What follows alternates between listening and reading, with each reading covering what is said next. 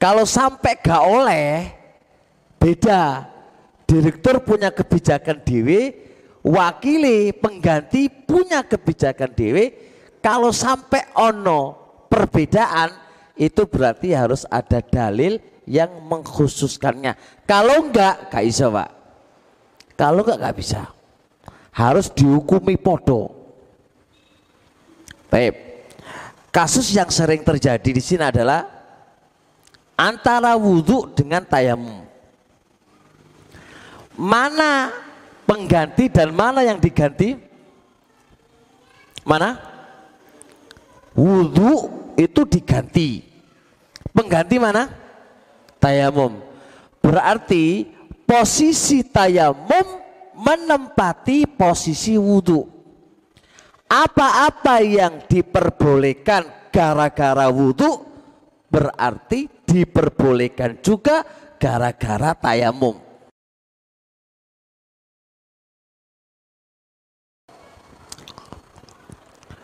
Kasus ala kaulis sahih dari akwal para ulama. Orang head, orang nifas, orang junub tidak boleh tinggal di masjid Tinggal itu maksudnya apa? Berdiam di masjid gak oleh. Kata ibu-ibu kalau lagi head nggak boleh berdiam di masjid. Kecuali kalau dia wudhu dulu. Paham ya? Kecuali kalau dia wudhu dulu karena atau rodi atau mengatakan kanu adalah mereka-mereka itu berarti kalau menukilkan mereka mereka siapa? mereka berarti di zamane atau para tabiin. Kanu adalah mereka-mereka itu ida ajnabu apabila mereka itu junub wa makafu dan tinggal di masjid tawadhu mereka berwudu dulu. Sekarang posisinya nggak ada air. nggak ada air penggantinya wudhu apa? Tayamum. Berarti boleh enggak tayamum dalam posisi Anda junub, dalam posisi Anda nifas, dalam posisi Anda head, boleh enggak Anda tayamum kemudian tinggal di masjid? Boleh apa enggak? Boleh apa enggak? Loh, lafadznya kan yang ada kan apa? Wudhu. Ini kata tayamum. Gimana kaidahnya? Kaidahnya tayamum pengganti untuk wudhu. Apa yang boleh, apa yang boleh disebabkan wudhu, maka boleh juga karena tayam tayamum. Contoh kedua, ala qauli sahih, ala qauli sahih dari akal para ulama. Bagi orang yang junub dan bagi orang yang berhadas kecil atau besar ya kan tidak diperbolehkan baca Al-Quran. Bukan baca menyentuh pak. Menyentuh. Nggak boleh menyentuh Al-Quran. La yamassul qur'ana illa tahir. Tidak boleh menyentuh Al-Quran kecuali dia suci. Makna suci berarti suci dari hadas kecil dan suci dari hadas besar. Taib ala khilaf di antara mereka ada yang bilang nggak boleh, ada yang bilang sekedar anjuran. Tapi pertanyaan, pertanyaannya, bagi orang yang berhadas kecil berarti dianjurkan atau diharamkan menyentuh Al-Quran, kecuali harus wudhu dulu. Berarti wudhu boleh nggak setelah wudhu dia menyentuh Al-Quran? Boleh. Taib.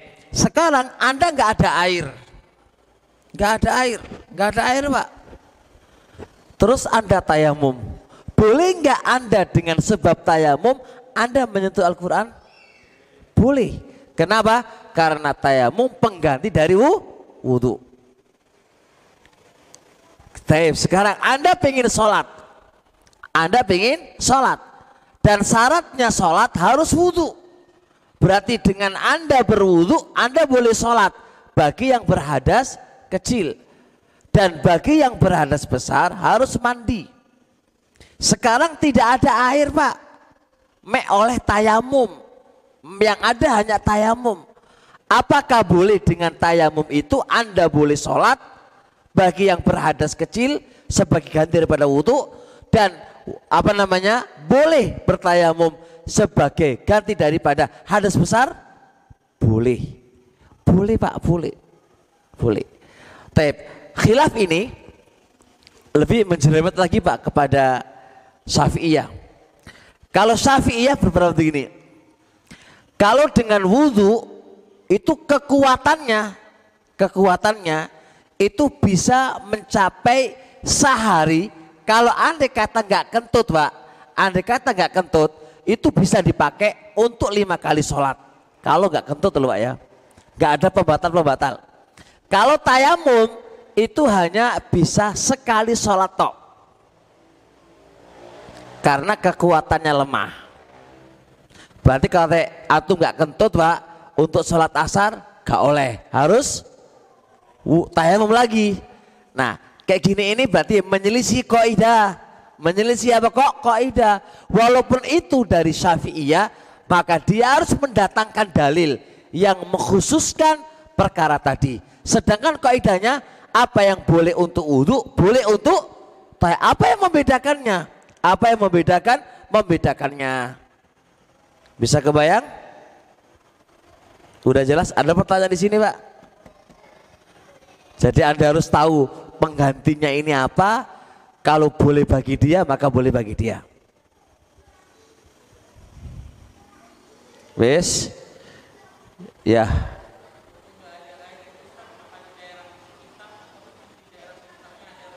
Wah, ini berarti butuh pembahasan baru lagi, merembet ke pembahasan tayamumnya ini. Kita sebenarnya kan nggak bahas tayamumnya kan, Mbak. Membahas idanya adalah boleh apa yang boleh disebabkan wudhu berarti boleh untuk tayam tayam. Tapi nggak ada masalah. Kita kita kita jawab. Masalah tayam ya kawan. Fa illam tajidu ma'an fatayammamu dan thayyiba apabila kalian tidak menjumpai air maka bertayamumilah Dohirnya ayat berarti boleh tayamum kalau tidak ada air. Nah, tidak ada air ini apakah diikat dengan di tempatnya atau di tetangganya? Di dalam ayat tadi nggak diikat. Nggak diikat apakah itu ada di tempatnya atau ada di tetangganya. Tapi para ulama mengatakan diikat kalau andai kata anda ke sana itu pasti habis waktunya. Tapi kalau anda ke sana nggak habis waktunya berarti anda harus mengambil air itu karena waktunya masih, masih mungkin ditempuh satu jam. Ambil, ambil. Karena itu syaratnya tayamum kalau tidak menjumpai air. Sedangkan Anda ada air, cuma butuh waktu. Dan itu nggak berat bagi Anda. Dan ketika Anda ke sana, waktunya masih ada. Berarti dihukumi masih ada air. Nggih? Ah? Iya. Nah kalau ini kan berarti kan apa? Boleh tayamum pak. Jadi kalau gak oleh tayamum ya gak berlaku kok ida aja wong ada wong ada wudhu kok. Wong ada wudhu. Tayyib ya jelas insya Allah. Udah? Bapak-bapak, teman-teman paham gak ini? Kaidahnya lo ya. Jadi kalau kaidahnya ini para ulama ngasih contoh terkait dengan apa? terkait dengan wudhu.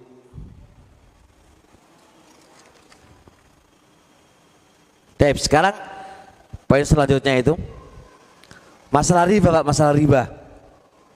Masalah riba.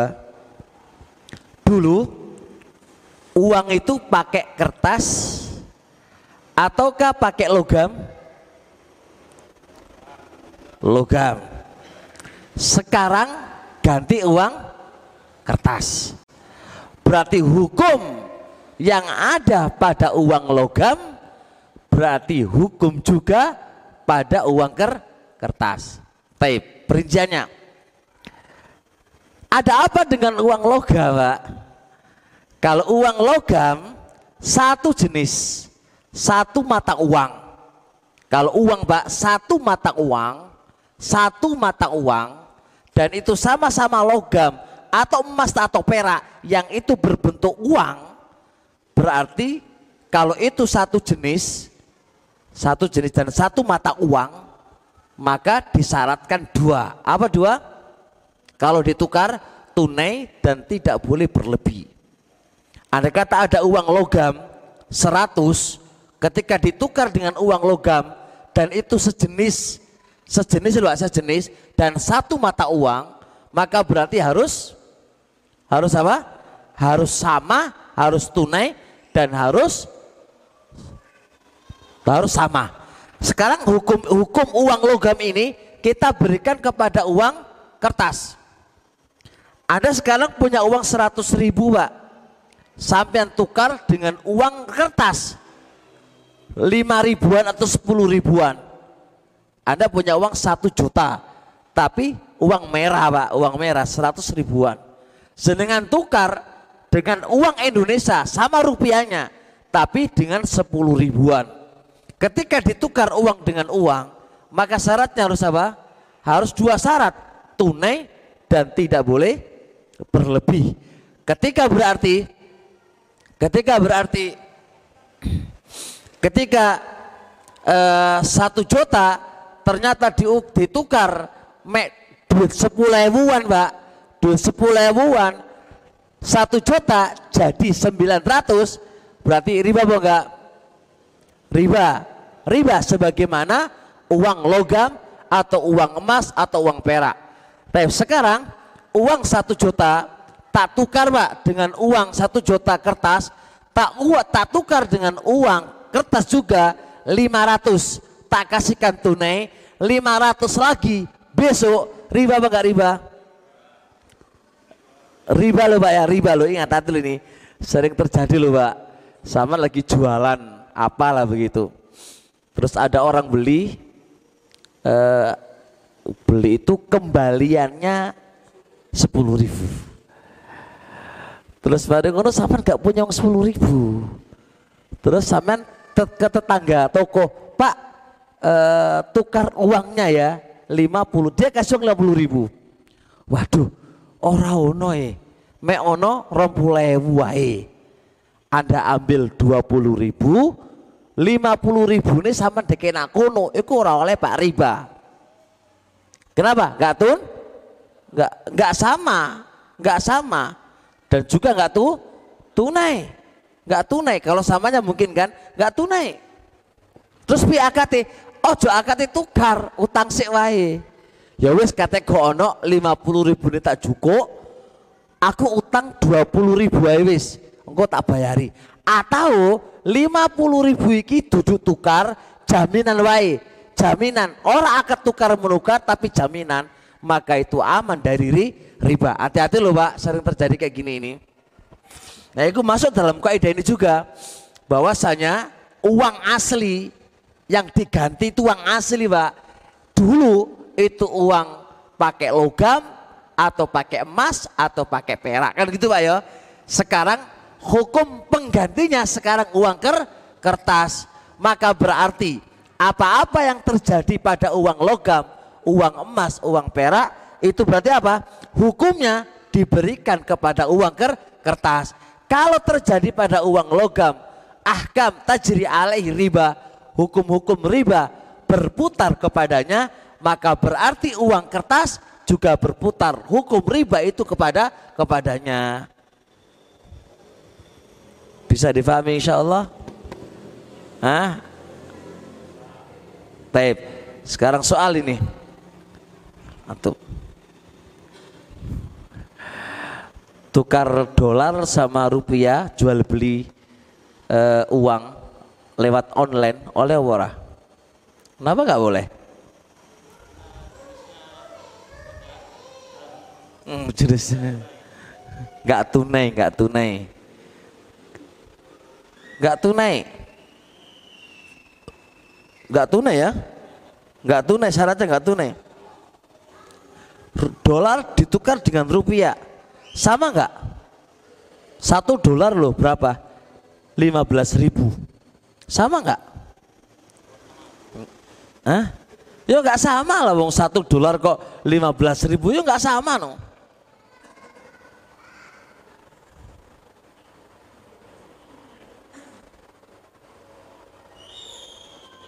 Loh, aku loh saiki jual beli dolar. Aku jual beli dolar. Jadi aku rupiah punya rupiah. Uangku itu tak dolarkan semuanya wis. Soalnya lihat rupiah ini koyo wis wis mulai anu lah. Kalau dolar kan seiso naik jari ini ngono lah orang nang ekonomi kan ngono ta. Kita belajar ekonomi kan ngono ekonomi ini. ya wis, jadi aku ngumpul duit rupiah iku Pak, tak tukar karo dolar kabeh. Penukaran rupiah dengan dolar iku podo apa nanti nih. Satu lembar dolar oleh piro? 15 sewu berapa lembar itu? Berarti gak oleh ngono iku. Boleh. Lo itu gak podo itu. Karena beda jenis. Pinter kamu harus beda jenis. Karena rupiah dengan dolar namanya beda jenis. Tapi kalau saya transaksikan di online oleh Opera, kenapa nggak boleh? Karena nggak tuh, nggak tunai. Gak oleh teman-teman semuanya.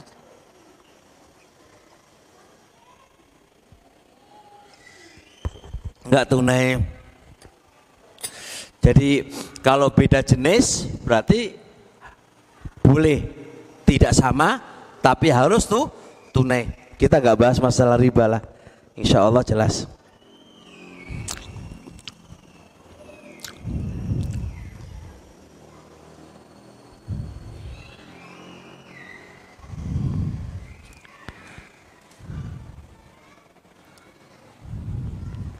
Tapi sekarang permasalahan baru Pak.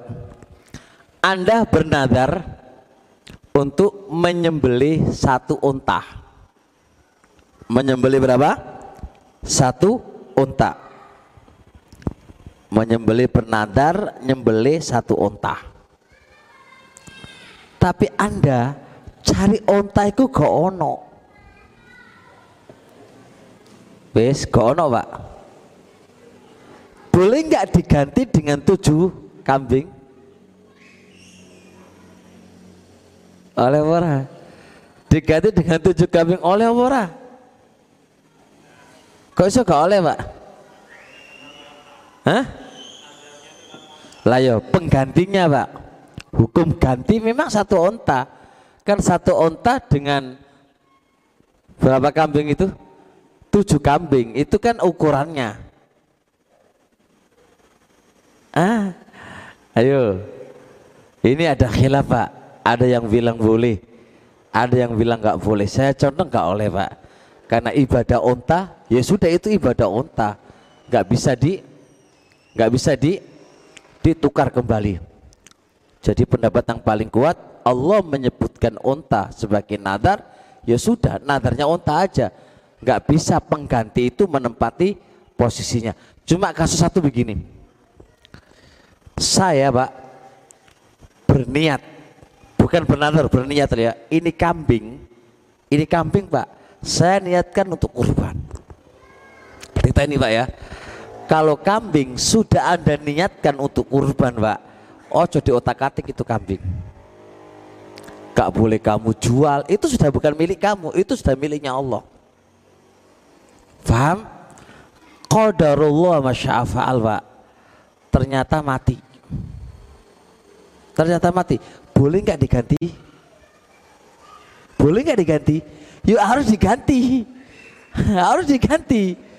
Artinya apa? Artinya kalau itu sudah diganti, kalau hukum pertamanya tadi nggak boleh dijual, nggak boleh di nggak boleh dihibahkan, berarti hukum pengganti juga nggak boleh dijual dan nggak boleh di dihibahkan. Gak oleh pak. Hati-hati loh kalau sudah anda berniat iki tak niat wis untuk Allah ojo dicabut lagi pak. Gak oleh dicabut lagi. Gak oleh karena itu sudah miliknya Allah bukan sudah miliknya anda lagi. Kalau sudah ada berniat. Paham insya Allah ya? Sampai ulama membuat perincian pak. Saya ini duduk kambing duit. Duit iki wis tak niat kurban. Anda sudah berikrar pak bukannya lintasan atau udah berikrar anda ini uang untuk kurban Pak. Ojo di otak atik karena sudah Anda wakafkan untuk Allah Subhanahu wa taala. Itu berbentuk uang. Nah, ternyata hilang pak hilang kemudian anda ganti lagi yos hilang ya wes tak ganti nih berarti hukum pengganti itu seperti yang diganti hukum hukumnya bisa dipahami paham pak Taip. Gak ada pertanyaan di sini kasus ini? Iya.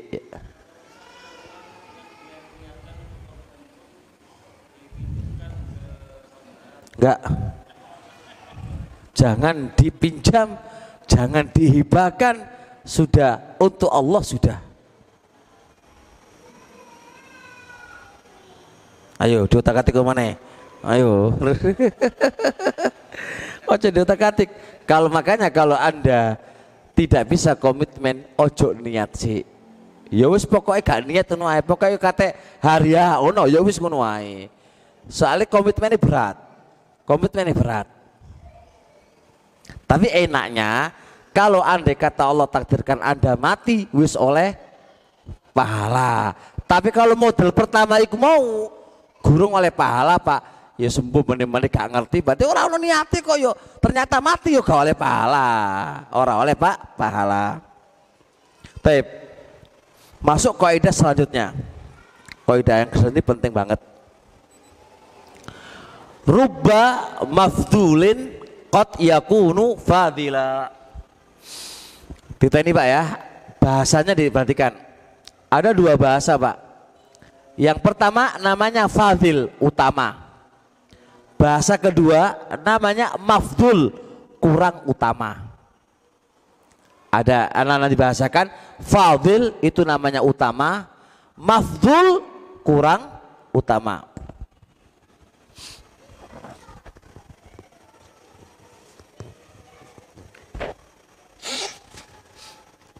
Kaidah asal, kaidah asal ketika di depan kamu ada utama dan kurang utama, milih yang mana? Milih yang uta, utama. Jelas Pak ya? Baik. Sekarang dibalik Pak. Terkadang kurang utama itu kita lakukan dibandingkan dengan yang utama. Disebabkan ada sebab tertentu. Itu perhatikan.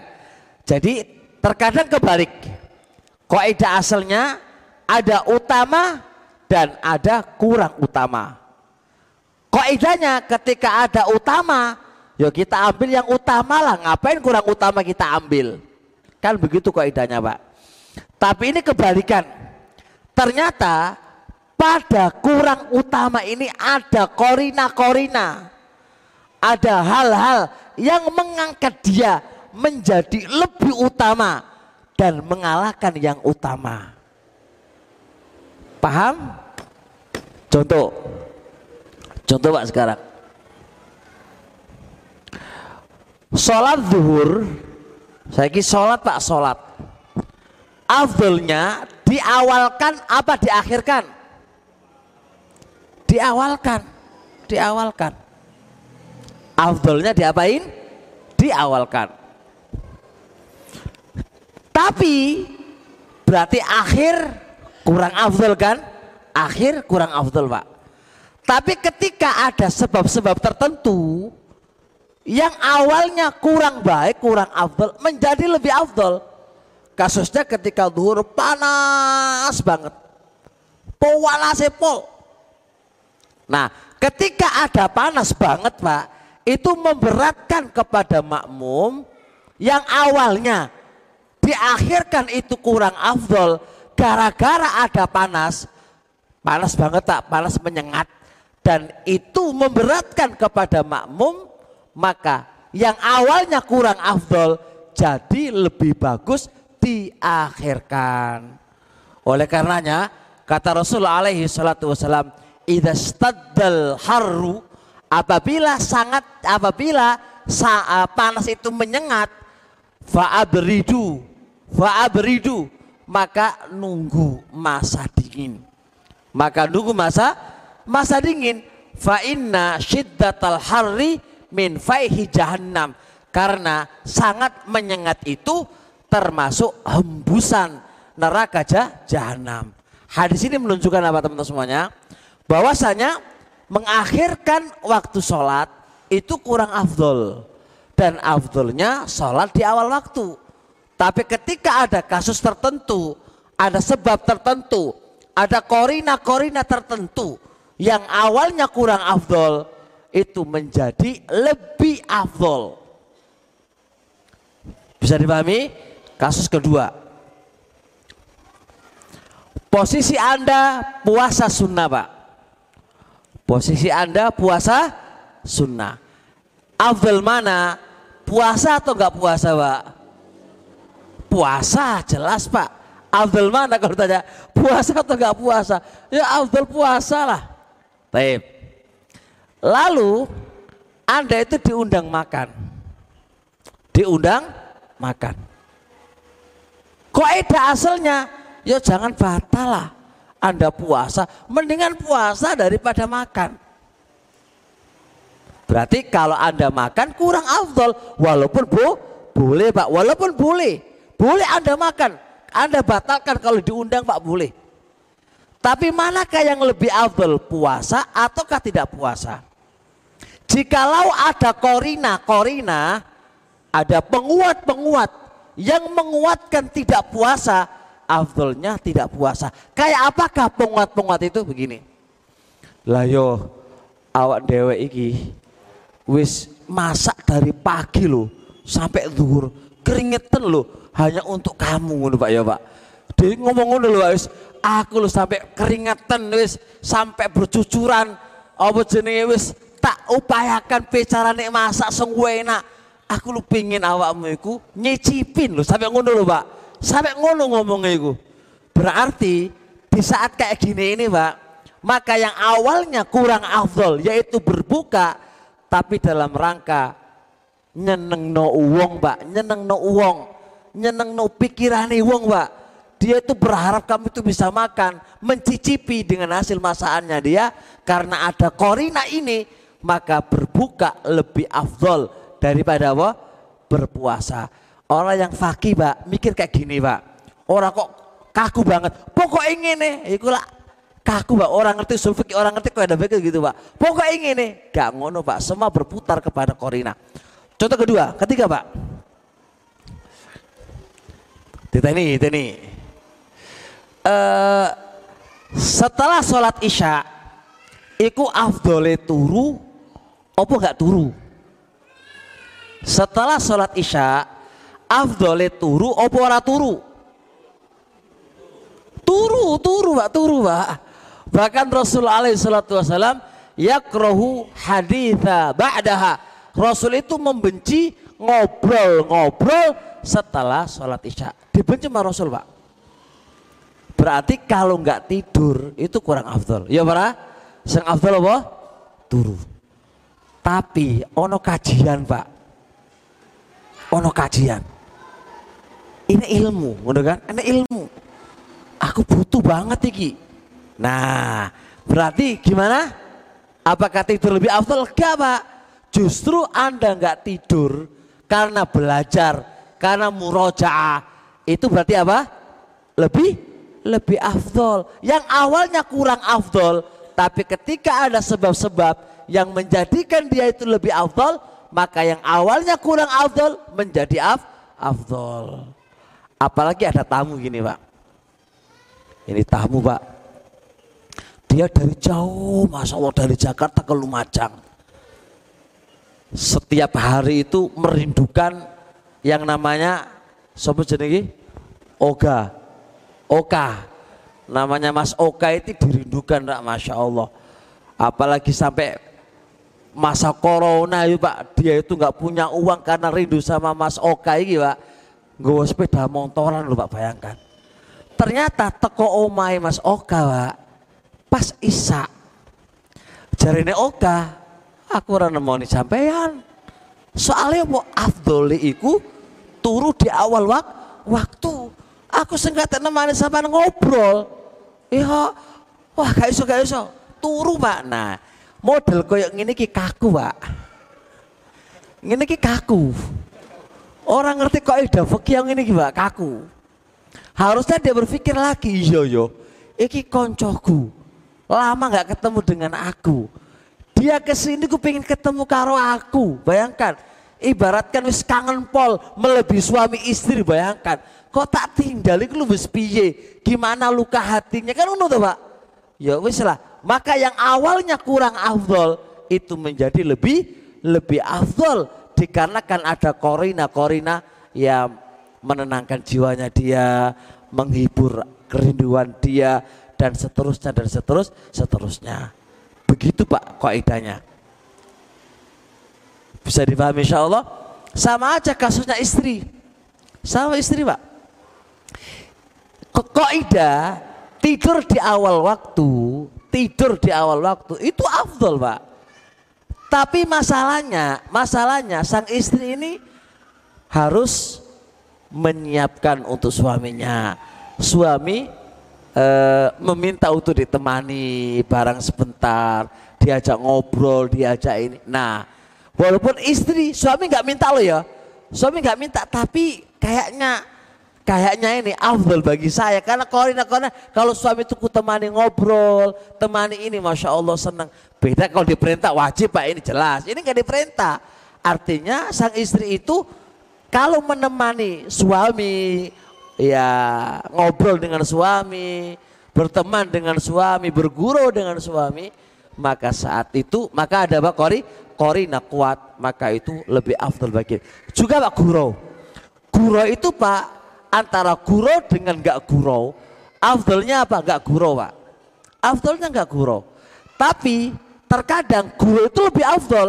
Lihat orang kok wajahnya kok cemurut tapi wajahnya kok opo saman kate meneng waduh koyo gak enak lagi anda bikin guyonan terus dia bisa ketawa kayaknya dia sedih banget gitu kan. Kan ada orang gitu jadi kayak Oga ini kan kok karena opo sedih banget gitu kan gimana gitu kan. Nah asalnya Pak Guru itu nggak baik, nggak baik Pak. Tapi ada masalah banyak banget untuk menghibur Oga dan semisalnya. teman yang lagi sedih sehingga Anda menjadi pelipur lara dia, maka itu lebih afdol. Yang awalnya kurang afdol menjadi af, menjadi afdol. Begitulah seterusnya dan seterusnya. Bisa dipahami Masya Allah kaidah ini? Ingat loh, ojo kaku-kaku loh Pak yo. Anda berpikir kira-kira maslahatnya ini yang besar mana gitu loh. Walaupun itu awalnya kurang afdol. Tapi maslahatnya yang mana ini? Gitu loh, itu penting. Itu pen penting. Jadi jangan kok ego yang dipakai. Ojo kok ego yang dipakai. Jangan kok ego yang dipakai. Jadi perhatikan itu poin-poin yang harus diperhatikan. Jadi tetap kaidahnya yang bagus kita lakukan lebih terlebih namanya lebih bagus kan Pak itu kita lakukan yang kurang bagus oh enggak tapi ketika berbalik keadaannya itu beda lagi hukum hukumnya Baik, dicontohkan lagi Pak Qobliya Pak, Qobliya. Tahu Qobliya Pak? Kayak Qobliya zuhur. Afdalnya melakukan Qobliya. Afdalnya melakukan Qobliya itu di mana Pak? Hah? Ya sur, bagusnya di mana? Di Qobliya zuhur sebelum zuhur. Tapi tapi Masya Allah Pak, waktu itu sibuk banget pelajaran numpuk. Ini masalah harus selesai. Sehingga Anda nggak sempat sholat qobliyah. Anda lakukan ba'da duhur. Nah, qobliyah diletakkan di pada duhur, ya orang tepat dan salah kan. Artinya kurang afdol apa? Kurang afdol. Wong qobliyah kamu letakkan di ba'diyah kan. Tapi ketika ada hal-hal yang menuntut Anda akhirkan qobliyah itu di dia itu nggak apa-apa. Sebagaimana Rasul alaihi salatu wasalam nggak sempat melakukan qobliyah zuhur karena ada tamu, Pak. Karena ada tamu. Yang qobliyah itu Nabi lakukan di dia, Pak. Karena ada tamu. Berarti kan ini. Maka Nabi melihat bahwasanya ini tamu penting yang saya harus awalnya kan harus sholat qobliyah dulu lah pipi qobliyah dan melakukan qobliyah itu di tempat waktunya ya itu lebih bagus lah. Tapi gara-gara ada sebuah sebab yang mengharuskan yang awalnya kurang afdol menjadi lebih afdol gara-gara itu. Contoh Pak sekarang. Taib membaca Al-Qur'an adalah ibadah yang paling afdol. Membaca Al-Qur'an adalah ibadah yang paling afdol. Ketika ada azan, antum lebih dahulukan mana? Hah? Azan atau baca Al-Qur'an? Jawab azan. Kenapa? Karena ada korina. Apa korina? Kalau nggak antum jawab, hilang pak jawabnya azan pak. Tapi Al-Quran bisa nanti. Walaupun koidahnya zikir yang paling afdal adalah moco Al-Quran. Tapi ketika anda mendengarkan azan, maka jawaban azan gisi. Walaupun itu kurang afdol, tapi saat itu ada korina. Apa korinanya? Saat itu azan. Kalau nggak Anda jawab hilang itu Pak. Bisa dipahami? Taib. Baca Al-Quran dengan doa. Afdal mana Pak? Baca Al-Quran. Saya afdal baca Al-Quran Pak. Saya afdal baca Al-Quran. Tapi ketika bainal adhani wal iqamah. Antara adhan dan iqamah. Bagus mau Quran apa doa? doa. Kenapa? Karena ada korina. Apa korina? Saat itu dikabulkan doanya. Gitu pintar harusnya pintar-pintar pak. Tapi begini sekarang. Baik. Contoh sekarang Oga ini pak. Waduh. Bersolat, bersolat ini aku harus ngisi. Materi ini aku belum belum persiapan wis. Jadi saat apa orang berdoa ya Allah sampai nangis-nangis, kan nggak doa, mau kitab malahan, waduh ini persiapan apa ini, nah ini kan, nah kok idanya pak, membaca kitab saat saat apa tadi? Saat ada dan iqomah kurang afdol, kurang afdol, afdol doa pak, pipi afdol doa, la moco Quran, wala moco kitab, wala apalagi moco SMS. apalagi SMS. Yo, ka, yo kace ada, Pak. Posisi ini sekarang ini yang paling afdol yang Anda lakukan adalah doa. Tapi masalahnya ini nanti dibikin taklim, bikin ngajar. Aku guru persiapan nih. Nah, bagus mana kalau gitu? Bagus mana? baca baca kitab karena apa? Karena ini untuk taklim, masalahnya untuk um, umat, masalahnya untuk orang banyak. Nanti kalau ceramah salah, mumet nanti malahan kan. Wah, gitu loh kaidahnya. Taib, kita cukupkan di sini insya Allah. Nanti kita lanjutkan setelah sholat isya. Teman-teman yang punya soal segera dicatat permasalahannya.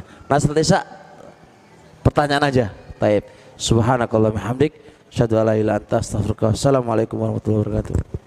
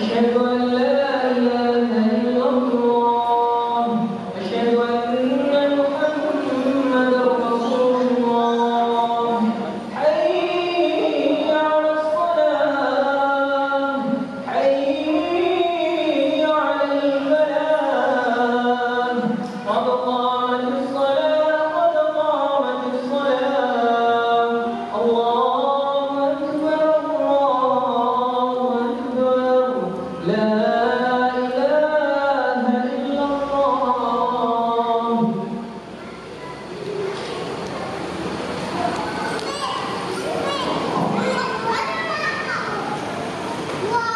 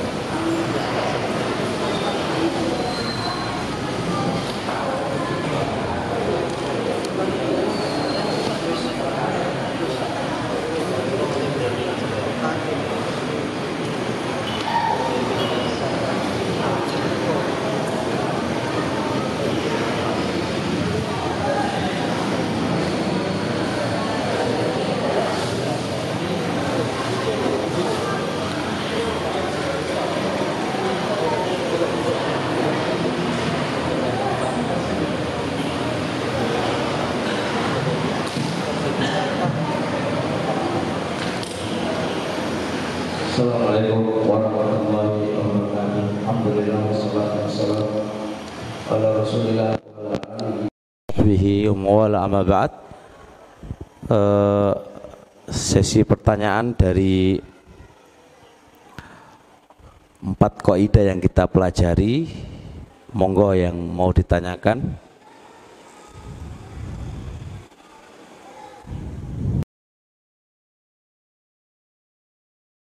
Tanya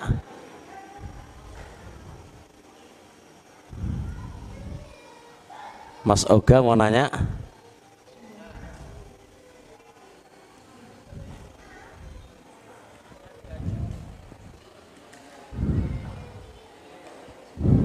Iya. Iya.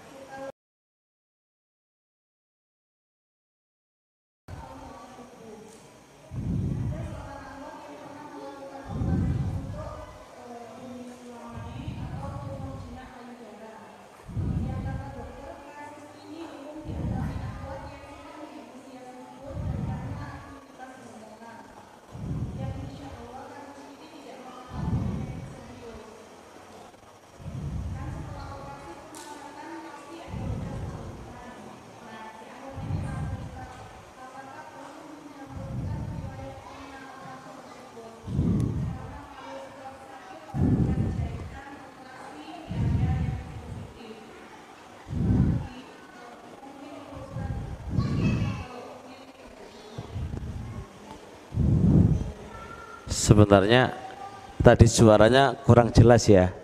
Cuma saya simpulkan kalau memang salah tadi saya dengar sepotong-sepotong. Coba eh, inti permasalahannya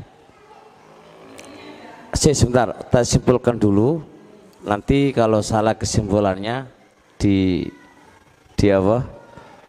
Direvisi.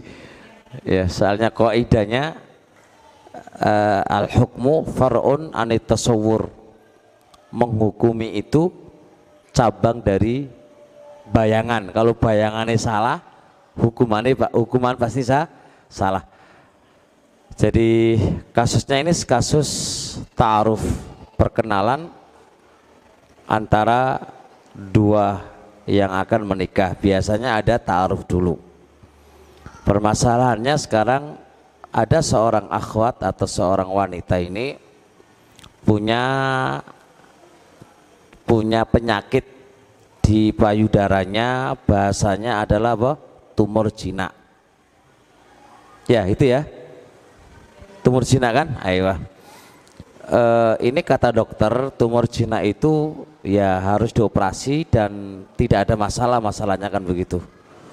Cuma yang dipermasalahkan adalah ada sayatan apa? Sayatan operasi bekas operasi itu kan itu ya? Apakah ada sayatan bekas operasi itu harus juga diceritakan ke pihak laki-lakinya ataukah tidak? Itu ya titik pertanyaannya taib. Teman-teman semuanya sebenarnya wanita itu podo karu barang. Sama dengan barang kok sama lu piung iku wanita kok sama dengan barang lu piye? Ingat makna hadis Nabi alaihi salatu wasalam wa in katama wa kadzaba muhikat barakatuhuma jikalau pembeli dan penjual menutupi barangnya menutupi apa? Barangnya dan berdusta maka akan dihapus keberkahannya.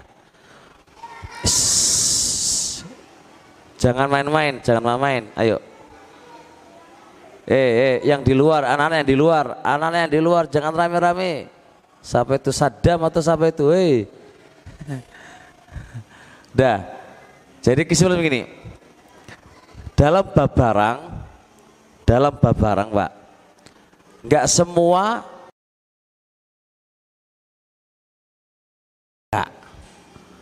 tapi cacat yang bisa mengurangi nilainya itu baru yang diceritakan Bisa dipahami ya? Yang bisa mengurangi nilainya itu harus diceritakan dan harus disampaikan. Maksudnya ini juga dipakai untuk wanita.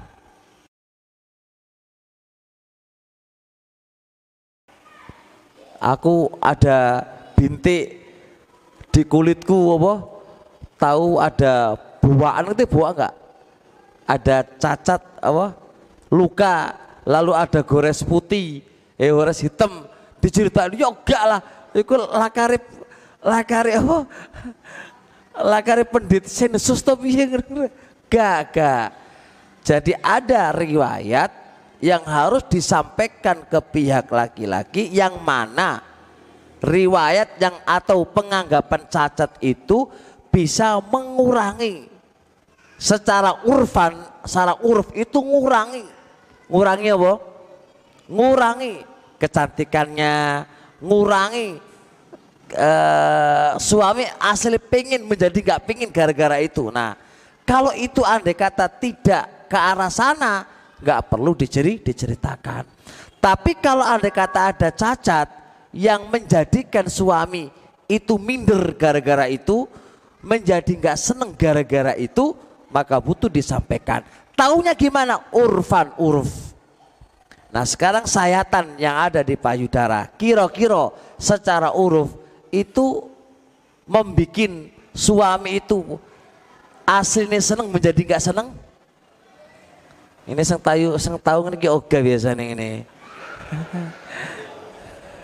eh? Nah kalau enggak, ya enggak perlu diceritakan. Kalau enggak, kalau memang itu sebuah cacat yang bisa mengurangi nilai kecantikannya dan nilai senangnya suami kepadanya, sampaikan. Itu kaidahnya. Itu kaidah. Jadi enggak semua, enggak semua apa-apa yang harus diceritakan ke baru calon kok harus mendetail aku punya upil punya opo. Lah kari dia itu opo lah. Sensus to piye? Gak iso ngono ora iso. Oh jadi pahami yang aneh-aneh. Bisa dipahami enggak bisa dipahami yang, yang bertanya? Ya wis. Itu kaidah dipahami loh kaidahnya dipahami itu. Saya nyebutkan kaidahnya Kayak misal contoh, ada uban putih saiti lah namanya wanita kalaupun 20, 21, 22, terkadang muncul uban satu. Kira-kira aku ada uban satu di rambutku. Ya enggak lah. Uban satu enggak berpengaruh lah saya ayu insya Allah kan. Kecuali rambutnya apa? Putih kewabeh lah itu sampaikan. Rambutku putih kabeh, gelem apa ora ngono itu mengurangi kecantikan sekate putih kabeh. Iku wajar, Pak. Tapi kalau putih nek si jeluru telu papat diceritain punya kasus apa jenenge beruban apa jenenge ngono ku ya ora perlu. Itulah terlalu berat banget kalau kayak gitu itu. Ya kalau jadi kalau nggak jadi piye terusan? Ya mumet lah si wanitanya. Ya gak bisa, itu namanya kaidahnya la dharara wala dhirara. Gak boleh kita juga memadaratkan pihak is, istri, ah, pihak calon, pihak wanita nggak bisa juga dengan dia menceritakan semua apa yang ada pada dirinya itu justru memadaratkan kepada dia dong kalau begitu dong. Gak boleh kayak gitu. Jelas? Ada pertanyaan lagi? Ada pertanyaan lagi nih.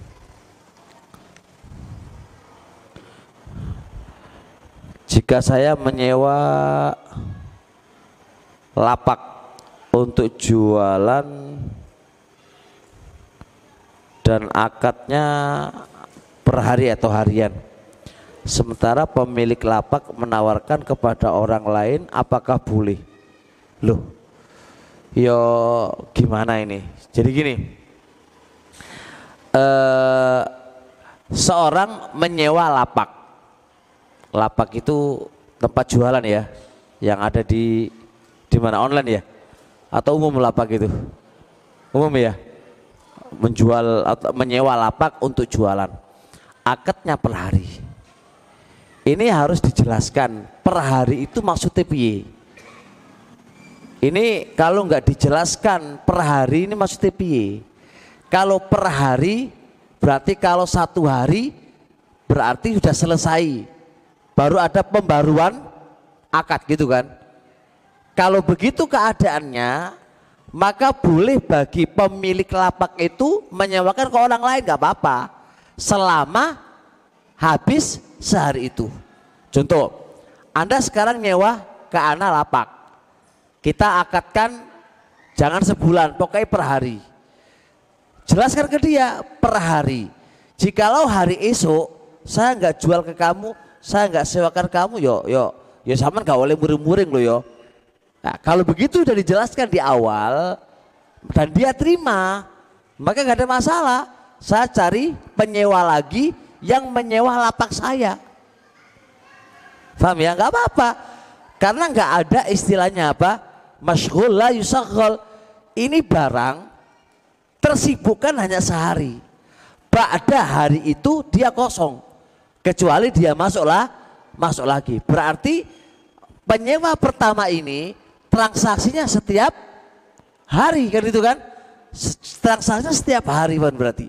Kalau transaksinya setiap hari ya nggak ada masalah kita cari penyewa yang lain yang mungkin lebih mahal daripada itu Ketika saya dapatkan penyewa yang kita katakan mas untuk besok sudah nggak bisa kamu sewa lagi ada penyewa yang lain nggak apa-apa nggak apa-apa. Faham insya Allah kalau akadnya sewaan itu per hari. Per hari itu maksudnya ya hari itu selesai setelahnya akad baru lagi. Itu maksudnya per hari. Udah ya? Faham nggak insya Allah Baik. Jangan sampai salah. Akadnya aku sewa per bulan. Nanti bayari per hari beda lagi beda mana itu kan? Tinggal dikalkulasi wae. Pokoknya saulan itu sudah transaksi akad aku bayari per hari ya wis terserah. Berarti aku gak oleh cari penyewa yang lain di masa sebulan i, itu. Kalau enggak masuk kaidah al mashghul la yusaghal al mashghul la yusaghal Paham? Ya wis. Ini gak ada pertanyaan ini karena kepahaman atau memang gak dong? Oh dong ya. Atau gak ada pertanyaan soal gampang kabeh gitu.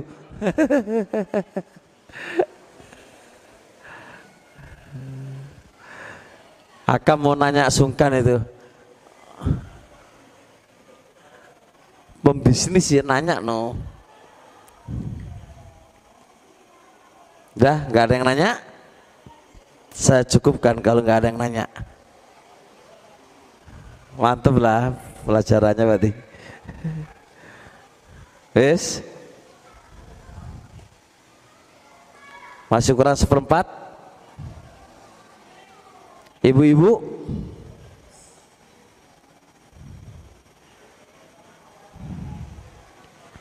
Ibu-ibu monggo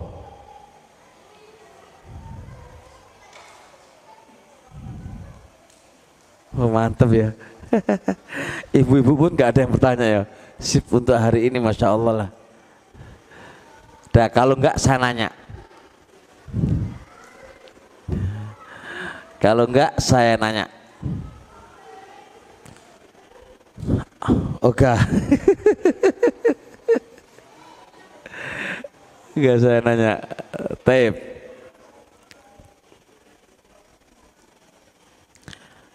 Oke. Eh, boleh nggak anda setelah minta biodatanya akhwat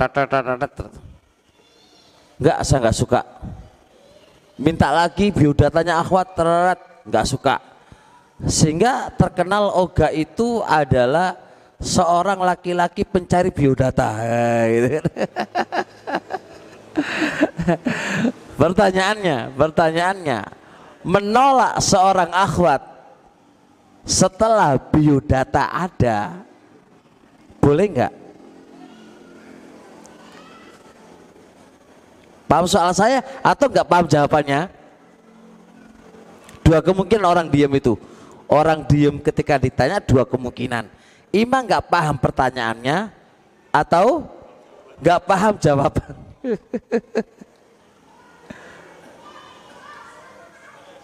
Wah, boleh. Oh, terkenal tenan kalau gitu ya. Kata Oga boleh. Boleh menerima biodata, menolak biodata akhwat ditolak ya. Itu setelah menerima biodatanya ditolak. Itu boleh katanya. Siapa yang bilang nggak boleh?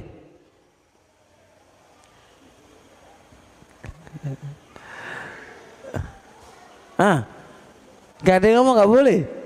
Boleh pak. Boleh. Boleh pak. Boleh sepakat ini ya Wong lanang ini sepakat soalnya gak ada kaitan dengan kalian kan makanya oleh orang masalah gitu. Yuk lihat dulu. Saya kalau saya saya rinci pak. Saya rinci. Jadi gini loh pak, teman-teman semuanya. Anda kalau sudah menerima meminta biodata, Tita ini ketika Anda sudah meminta biodata, Tita ini ya, Anda harus sudah ada kecondongan. Jangan sampai Anda mem, belum ada kecondongan terus minta biodata, nanti terkenal Anda itu mempermainkan. Ini itu dan mempermainkan akhwat dengan meminta biodata lalu pokoknya ora sido pokoknya asal dia gak seneng pokoknya biodata aja kalau begitu anda akan mempermainkannya. Karena apa? Dia pasti menyebutkan kekurangannya kepada kamu. Sedangkan menyebutkan kekurangan pada perkara yang tidak dibutuhkan itu nggak boleh. Nggak boleh. Nggak boleh. Tapi kalau anda menolaknya karena ada sebab tertentu yang memang harus ditolak. Karena sebab tertentu ya, bukan karena melecehkan atau karena mempermainkan, bukan. Karena sebab tertentu maka nggak apa-apa. Poin penting yang harus dipahami, ketika dia sudah menyebutkan kekurangan, pahami itu adalah kekurangan yang anda harus simpan. Gak boleh anda buka ke orang lain. Kata Rasulullah SAW, man satara musliman satarallahu yaumal kiamah. Siapa yang menutupi kekurangan saudaranya, maka akan Allah tutupi kekurangan dia besok pada hari kiamat.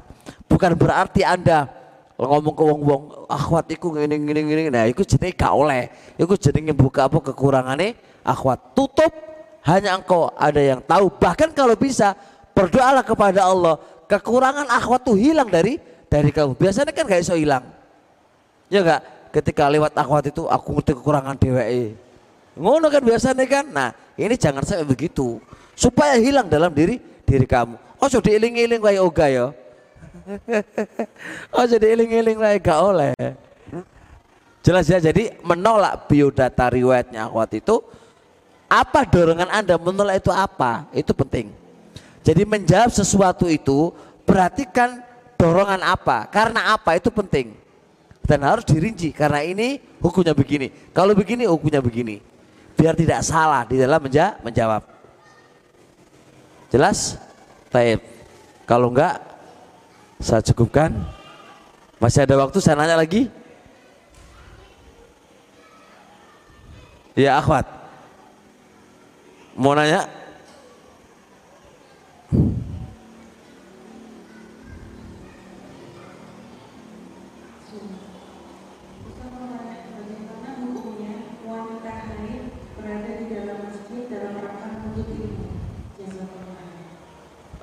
Sebagaimana tadi dijelaskan? Boleh. Saya punya dua pembahasan. Pembahasan yang pertama saya condong awalnya nggak boleh. Karena firman Allah Subhanahu wa taala wala abiri sabilin hatta takhtasilu. Tidaklah orang yang junub tidaklah boleh bagi orang yang junub kecuali hanya lewat tok kecuali hanya lewat lewat tok. Ayat ini masya Allah dipakai dalil oleh para ulama.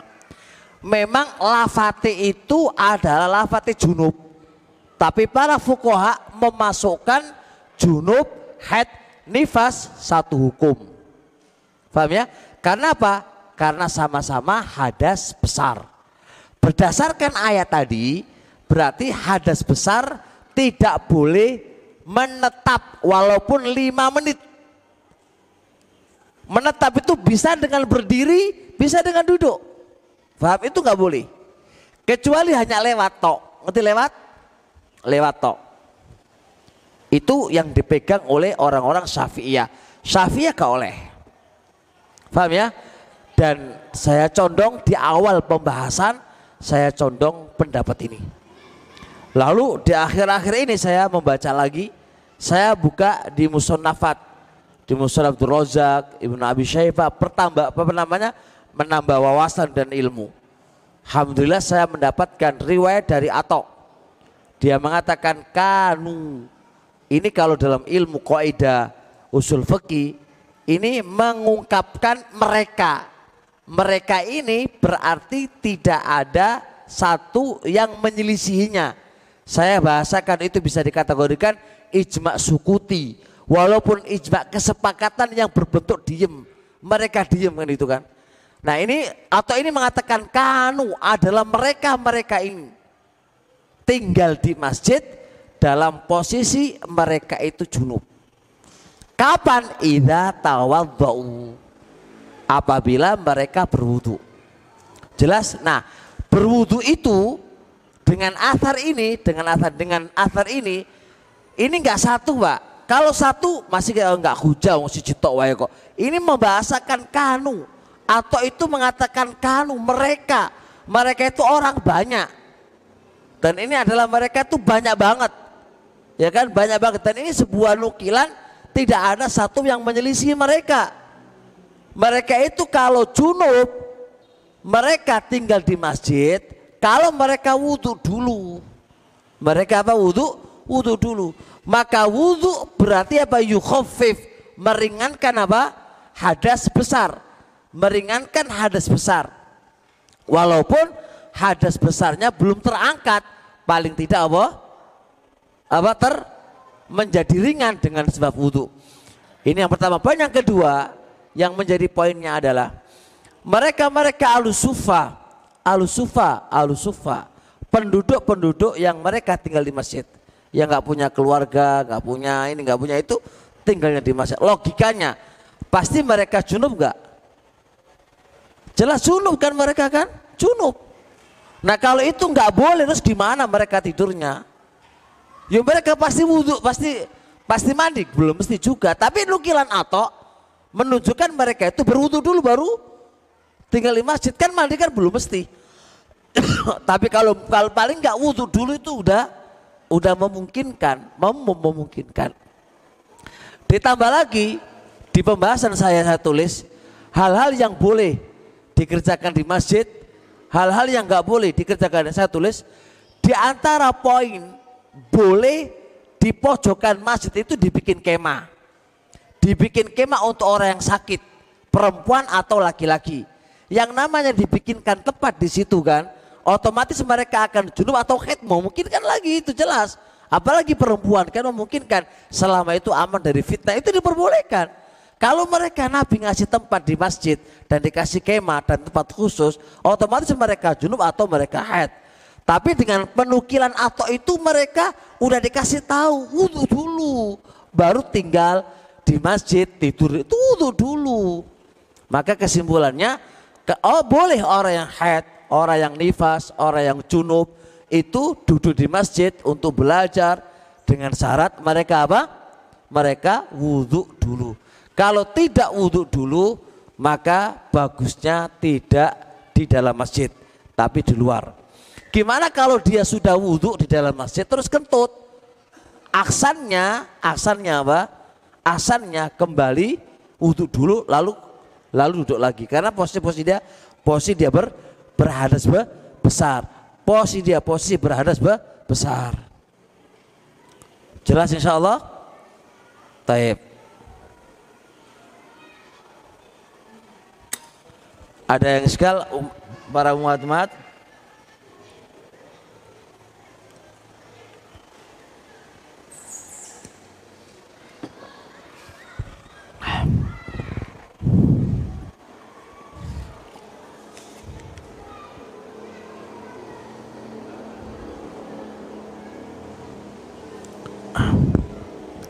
Hadis barang siapa yang sholat subuh berjamaah kemudian berzikir sampai syuruk pahalanya haji dan umroh Iya, sholat dua rakaat dulu ya. Hadis ini, Pak, diperselisihkan oleh para ulama. Syekh Al-Albani hadis ini dikatakan oleh Imam Al-Albani hadis ini hasan. Sebagian alu sebagian ulama-ulama kebelakangan setelah Albani mendhaifkan hadis ini. Ala kulihal hadis ini diperselisihkan oleh para ulama Pernah saya sama Ustadz Sofyan Baswedan diskusi dengan hadis ini. Uh, beliau utarakan beberapa uh, apa namanya beberapa hasil karyanya. Saya juga punya hasil karya ilmiah terkait dengan hadis ini. Uh, saya pribadi, saya pribadi pak uh, dan juga beliaunya condong hadis ini kalau e, naik ke derajat Hasan Lighoiri agak berat, agak berat. untuk saya pribadi Pak, untuk saya pribadi. Kalau untuk jenengan ambil ucapan Imam Al Albani rahimahullah taala hadisnya apa? Hasan. Kalau anak pribadi yang setelah punya pembahasannya, e, saya condong hadisnya e, tidak bisa naik ke derajat Hasan Lighoiri.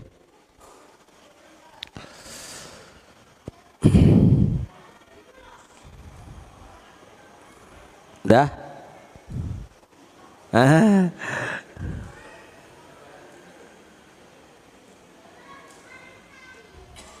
Saya tunggu dulu. Ini lambat banget ini teman-teman ini nggak punya pertanyaan, kayak nggak punya masalah aja ya. Nanti kalau ustadznya pergi baru punya masalah muncul ya. Ustadznya datang nggak ada masalah. Itu berkanya ustadz berarti ya menghilangkan masalah gitu kan. Nanti hilang Ustadz, masalah muncul baru lagi. Taib sampai di sini insyaallah subhanakallah hamdik syadu ala ilaha illa anta astaghfiruka wa atubu Assalamualaikum warahmatullahi wabarakatuh.